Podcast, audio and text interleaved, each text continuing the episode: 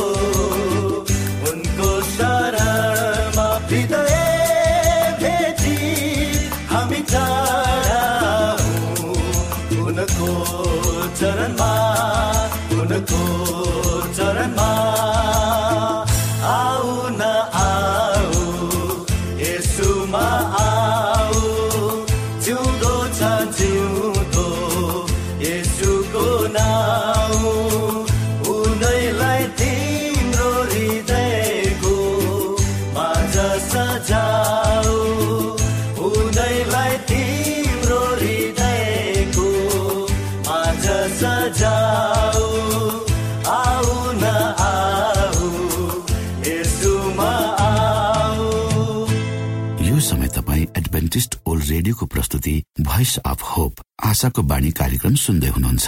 श्रोता मित्र यो समय हामी पास्टर उमेश पोखरेलबाट आजको बाइबल सन्देश सुन्नेछौ। श्रोत साथी न्यानो अभिवादन साथ म तपाईँको आफ्नै आफन्त पास्टर उमेश पोखरेल। परमेश्वरको वचन लिएर यो रेडियो कार्यक्रम मार्फत तपाईँहरूको बीचमा उपस्थित भएको छु। श्रोता मलाई आशा छ तपाईँले हाम्रा कार्यक्रमहरूलाई नियमित रूपमा सुनेर परमेश्वरका आशिषहरू प्राप्त गर्दै हुनुहुन्छ। आजको प्रस्तुतिलाई पस्कनुभन्दा पहिले आउनुहोस् हामी परमेश्वरमा अगुवाईको लागि बिन्ती राख्छौँ जीवी जिउँदो महान दयाल परमेश्वर प्रभु हामी धन्यवादी छौँ यो जीवन र जीवनमा दिनुभएका प्रशस्त आशिषहरूको लागि। प्रभु यो रेडियो कार्यक्रमलाई म तपाईँको हातमा राख्दछु। यसलाई तपाईँको राज्य र महिमाको प्रचारको खातिर यो देश र सारा संसारमा पुर्याउनुहोस्। ताकि धेरै मानिसहरू जो अन्धकारमा हुनुहुन्छ उहाँहरूले तपाईँको ज्योतिलाई देख्न सक्नुहोस्। सबै बिन्ती प्रभु यीशुको नाम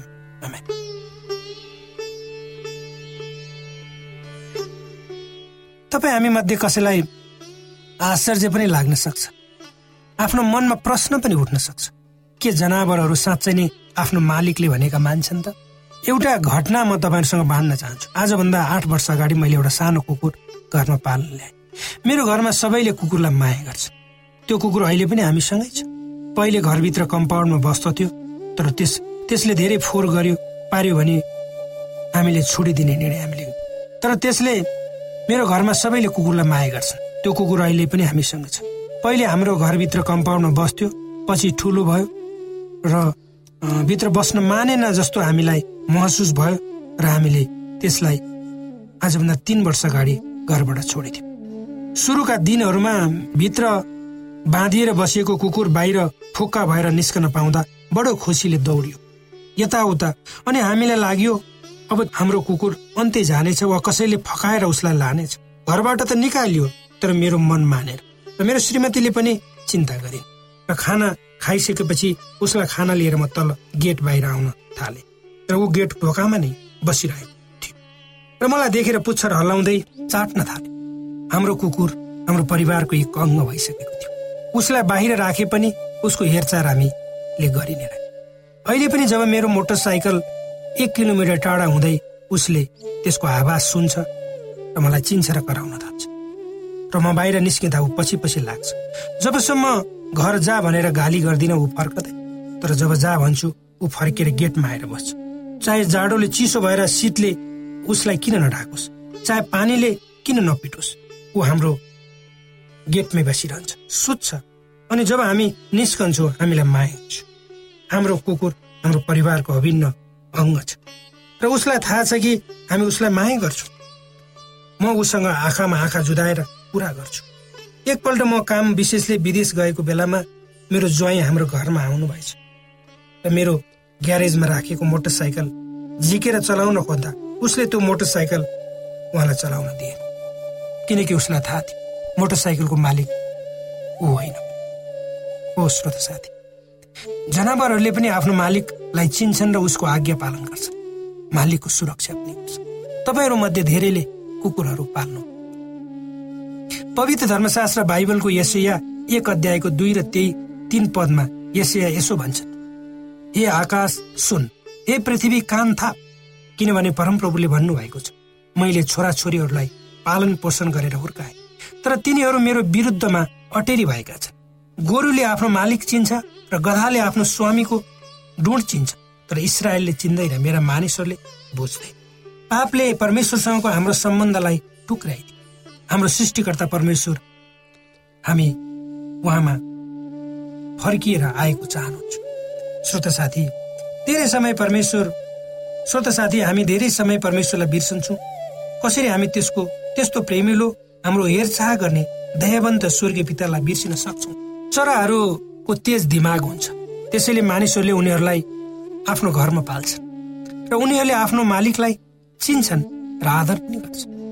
मेरो एउटा साथी जो चराहरूलाई प्रेम गर्छ मेरो एउटा साथी छन् जो चराहरूलाई मेरो एउटा साथी छ जसले चराहरूलाई प्रेम गर्छ। उसको काकाले उसलाई एक जोडी परेवा उपहारको रूपमा दिए। उसले ती परिवारलाई आफूसँगै काम गर्ने ठाउँमा रेलगाडीमा राखेर नयाँ ठाउँमा ल्याए जहाँ ऊ शिक्षकको रूपमा काम गर्दथ्यो जहाँ पुग्न उसलाई ट्रेनबाट एक रात लाग्दथ्यो। उसले ती परेवालाई राम्रो राम्रो पिजाडा बनाएर त्यसभित्र राख्यो र तिनीहरूको उचित हेरचाह एक दिन ती परेवा कसरी उड्दा रहेछन् भनेर उसले हेर्न चाहे। तिनलाई पिँजडाबाट छोडिदियो। पिँजडाबाट निस्किएर खुसी हुँदै उनीहरू केही समय यताउता आफ्ना पखेटा फिजाएर खुसी हुँदै उडे। र त्यो शिक्षक आफू खुसी हुँदै आफ्नो पढाउने स्कुलतिर लाग्यो। जब ऊ स्कुलबाट घर आयो परेवाहरूलाई उसले कतै देखेन। धेरैतिर खोज्यो तर देखेन। ऊ धेरै रात निधाउन सकेन। तिनै परिवारको विषयमा सोचेर ती बिचरा चराहरू कहाँ गए होला? भिक्कारमा तिनलाई त्यो पिजडाबाट छोडेछु। आफूलाई धिक्कार्दै चिन्तामा उसले राम्ररी खान पनि सकेन गयो उसलाई लाग्यो सिकारीहरूले मारेर पो तिनलाई खाए कि? तर एक महिनापछि उसले आफ्नो काकाको फोन पाए। र काकाले भने ती दुईटा परेवाहरू जहाँबाट उस ल्याएको थियो त्यही पुग्यो भने ती परेवालाई आफ्नो जन्म घर पुग्न चौतिस दिन लाग्यो अर्थात् चौतिस दिन उनीहरू उडेर आफ्नो ठाउँमा पुग्न सक्छ उनीहरूले कसरी आफ्नो घर पत्ता लगाए त? कति दुःख कष्टहरू उनले भोगे होलान् बाटो आफ्नो घर पुग्न। त्यो प्रश्नको उत्तर मानिस भएर तिनीहरूले दिने थिए। त्यो प्रश्नको उत्तर यदि मानिस भएको भए तिनीहरूले दिने थिए। तर बिचरा परेवा बोल्न सक्दैनन्। कसरी मानिसले बुझ्ने भाषामा व्यक्त गर्नु? त्यसै गरी हामीलाई पनि हाम्रो प्रेमिलो परमेश्वरबाट अलग गराइयो र हामी पापको पिजाडामा बन्धन बन्धक बनाइयो र हामीहरू पापको बन्धनमा सैतानको पासोमा छौँ। र पापको यस्तो दलदले हिलोमा गाडिएका छौँ हामी आफै त्यसबाट निस्कन सक्दैनौँ। त्यसबाट प्रभु येसुले मात्र तपाईँ र मलाई निकाल्न सक्नुहुन्छ। के तपाईँ त्यो पाप रूपी पिजडाबाट आफूलाई मुक्त गर्न चाहनुहुन्छ? यदि चाहनुहुन्छ भने आफ्नो जीवनलाई परमेश्वरमा समर्पित गर्नुहोस्।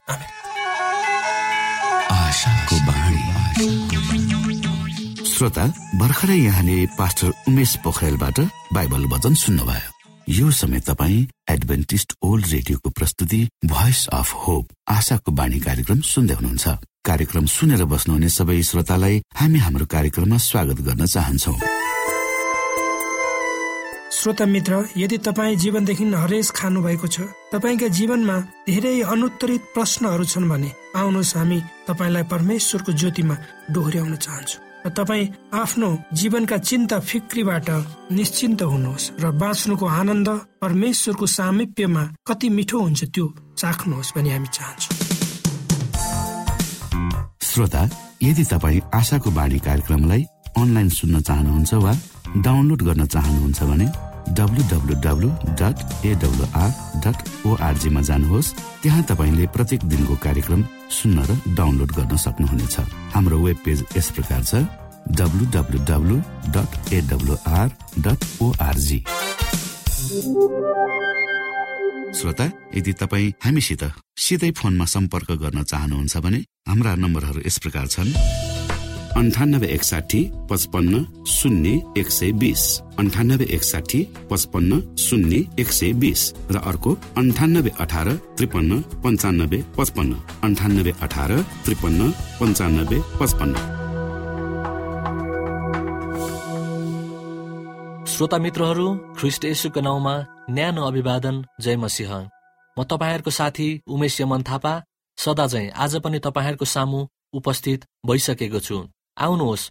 आजको प्रस्तुति पस्कनुभन्दा पहिले ख्रिस्ट यसुमा बिन्ती बिसाउ। महान दयालु परमेश्वर पिता हामी तपाईँको चरणमा उपस्थित भएका छौँ। हाम्रो पापको निम्ति कलबारीको क्रुसमा आफ्नो प्राण दिनुभएको लागि धन्यवाद दिन चाहन्छौँ। तपाईँको बलिदानले हामी सबैको पाप क्षमा भएको छ। विशेष गरी यो रेडियो कार्यक्रमलाई र यो प्रस्तुतिलाई तपाईँको हातमा राख्न चाहन्छु। हामी प्रत्येकलाई आशिष दिनुहोस् भन्दै यो बिन्ती ख्रिस्ट यसुको नाममा माग्दछु। अमेन। श्रोता मित्रहरू शाकाहारी किन बन्ने भन्ने विषयमा हामीले हिजो केही जानकारी हासिल गर्यौं। आजको प्रस्तुतिमा सोही विषयमा केन्द्रित रहेर थप जानकारी हासिल गर्नेछौ। शाकाहारी किन बन्ने त?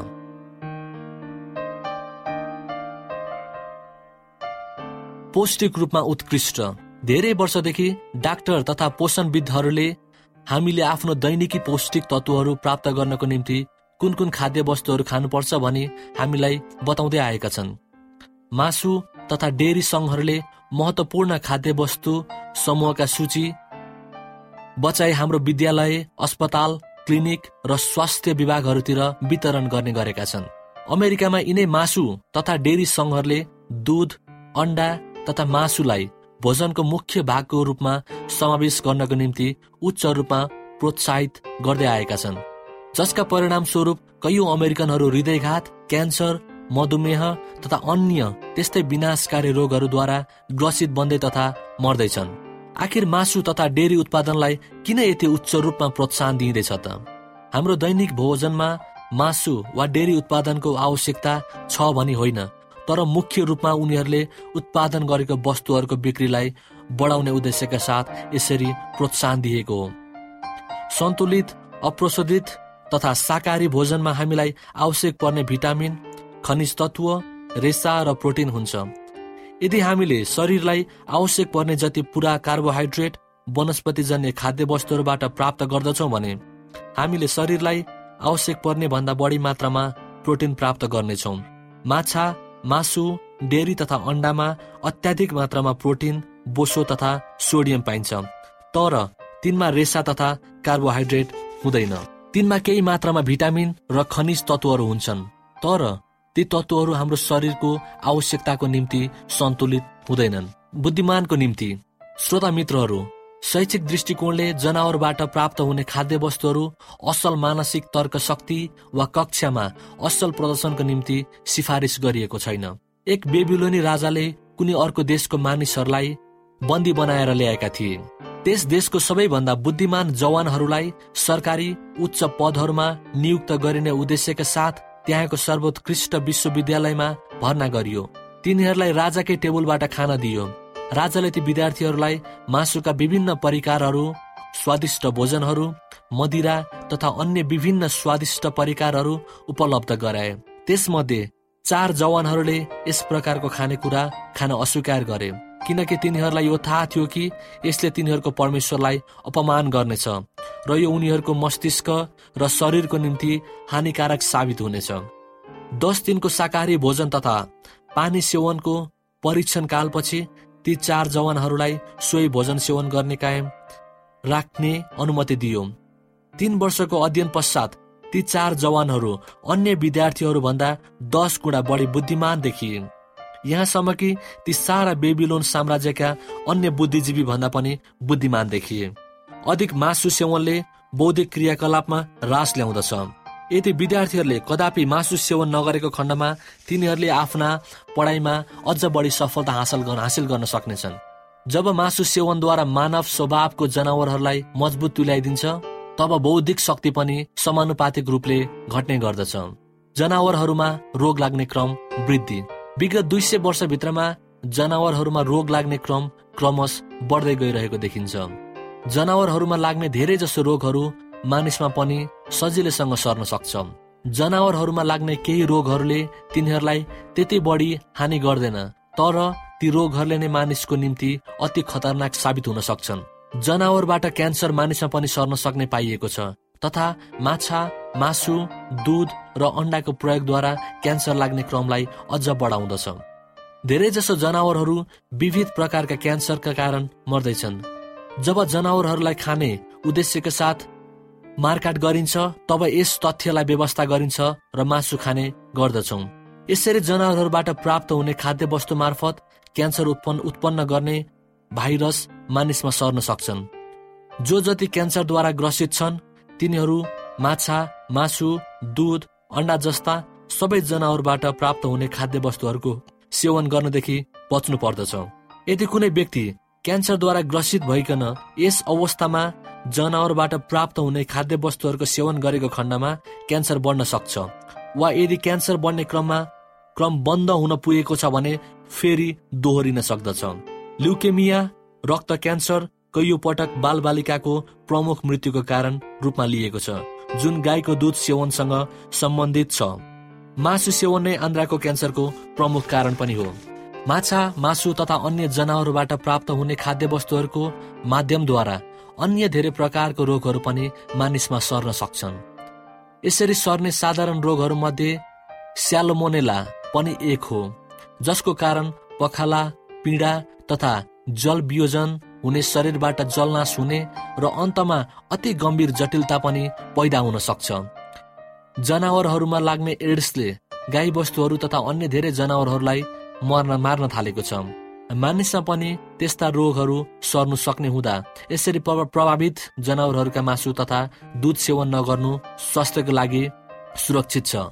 जनावरबाट मानिसमा सर्ने रोगहरूका सूची लगातार बढिरहेका छन्। वनस्पतिजन्य खानेकुराहरूबाट यत्तिका फाइदा तथा जनावरजन्य खानेकुराहरूबाट यत्तिकै बेफाइदा हुने बारेमा ज्ञान हुँदाहुँदै के तपाईँलाई यस्तो लाग्दैन कि? अब हामीले जनावरजन्य खानेकुराहरूलाई हाम्रो सृष्टिकर्ताले सुरुमा दिनुभएको फलफुल अन्न हरियो सागपात कष्टफल र गेडागुडी जस्ता खानेकुराहरूद्वारा विस्थापन गर्न बेलामा आएको छ भनेर? यही प्रश्न तपाईँहरूको माझ राख्दै म फेरि नयाँ प्रस्तुति लिएर भेट्ने बाचासहित अहिलेलाई बिदा माग्दछु। जय मसिंह धन्यवाद। कोभिड नाइन्टिनका सम्पूर्ण खोप वा भ्याक्सिनको सफल परीक्षण गरिएको छ। यी भ्याक्सिन लिनाले हामी गम्भीर बिरामी हुनबाट जोगिन सक्छौ। त्यसैले तपाईँ पनि यो खोप लिनुहोस्। यदि तपाईँलाई पहिले नै कोभिड पोजिटिभ देखिसकिएको छ भने तपाईँ यो खोप चाँडै नै लिनुहोस्। यसो गर्नाले हामी र हाम्रो समुदायमा रोग प्रतिरोधक शक्ति चाँडै नै आउनेछ र हामी सबैजना पहिले जस्तै सामान्य जीवनमा फर्कन सक्दछौ। युनेस्को डब्लुएचओ र रेडियो कार्यक्रम आशाको बाणीबाट जनहितमा जारी सन्देश।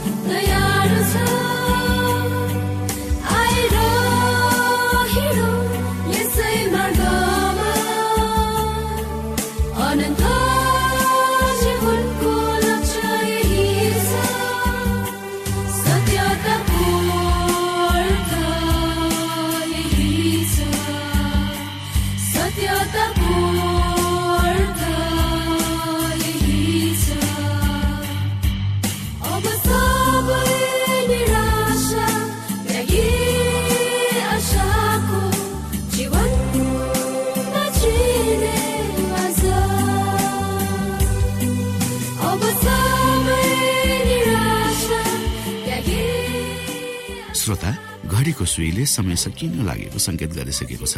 हाम्रो ठेगानाको बारेमा यहाँलाई जानकारी गरौँ। आशाको बाणी पोस्ट बक्स नम्बर दुई शून्य शून्य शून्य दुई काठमाडौँ नेपाल। यसै गरी श्रोता यदि तपाईँ हामीसित सिधै फोनमा सम्पर्क गर्न चाहनुहुन्छ भने हाम्रा नम्बरहरू यस प्रकार छन्। अन्ठानब्बे एकसाठी पचपन्न शून्य एक सय बिस। अन्ठानब्बे एकसाठी पचपन्न शून्य एक सय बिस। र अर्को अन्ठानब्बे अठार त्रिपन्न पन्चानब्बे पचपन्न अन्ठानब्बे अठार त्रिपन्न पन्चानब्बे पचपन्न। हवस् त श्रोता हाम्रो कार्यक्रम सुनिदिनु भएकोमा एकचोटि फेरि यहाँलाई धन्यवाद दिँदै भोलि फेरि यही स्टेशन र यही समयमा भेट्ने बाजा गर्दै प्राविधिक साथी राजेश पास्टर उमेश पोखरेल र कार्यक्रम प्रस्तुता म रवि यहाँसँग विदा माग्दछौ। परमेश्वरले तपाईँलाई धेरै धेरै आशिष दिनु भएको होस्। नमस्कार।